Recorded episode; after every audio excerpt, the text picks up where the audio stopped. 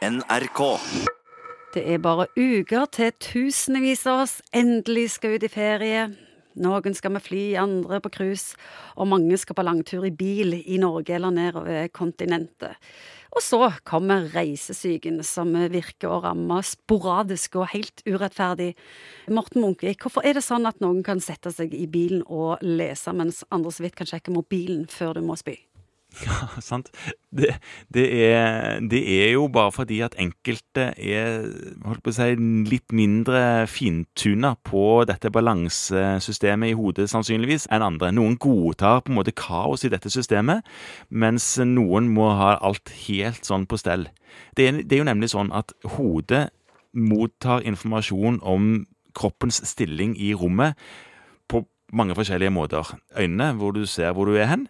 Men selv om du lukker øynene, så klarer du på en måte å gjøre ting. Og det er fordi at eh, likevektsorganet inni hodet, disse tre buegangene som sitter i forbindelse med høreorganet, de sier litt om hvor hodet og kroppen er hen, og hvordan det beveger seg rundt. I tillegg så er det i hvert enkelt ledd en leddsans som sier noe om armer og bein sin stilling.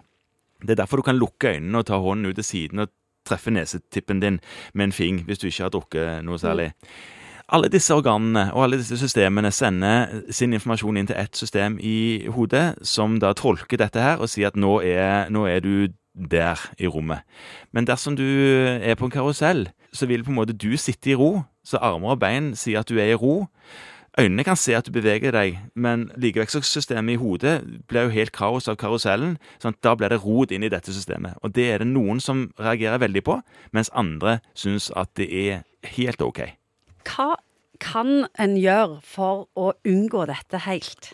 Eller går ikke det? Ja, sånn helt av seg sjøl så kan man ikke øve så mye på Jo, det kan man faktisk.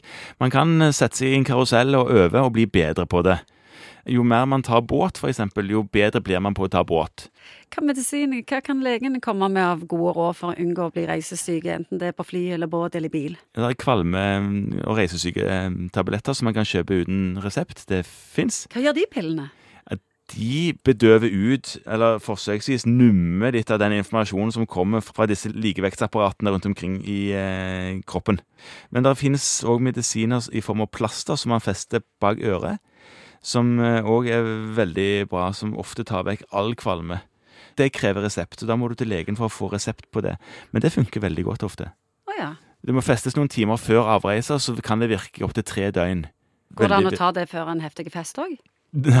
Nei, det virker ikke på den måten. Men det var godt, godt poeng. Nei, jeg tror ikke det. Hva andre ting kan for, for eksempel foreldre gjør eh, som skal ned gjennom kontinentet med tre barn i baksetet? Ta vekk iPaden og få barn som er sårbare for dette her, til å følge med på veien. Åpne opp vinduet for å få litt luft inn. Utstyre seg med poser dersom det skulle skje at man må kaste opp. Ta hyppige pauser. Er det mat som fungerer mot kvalme? Man har jo ofte sagt at det å lukte på sitron vil stille kvalme.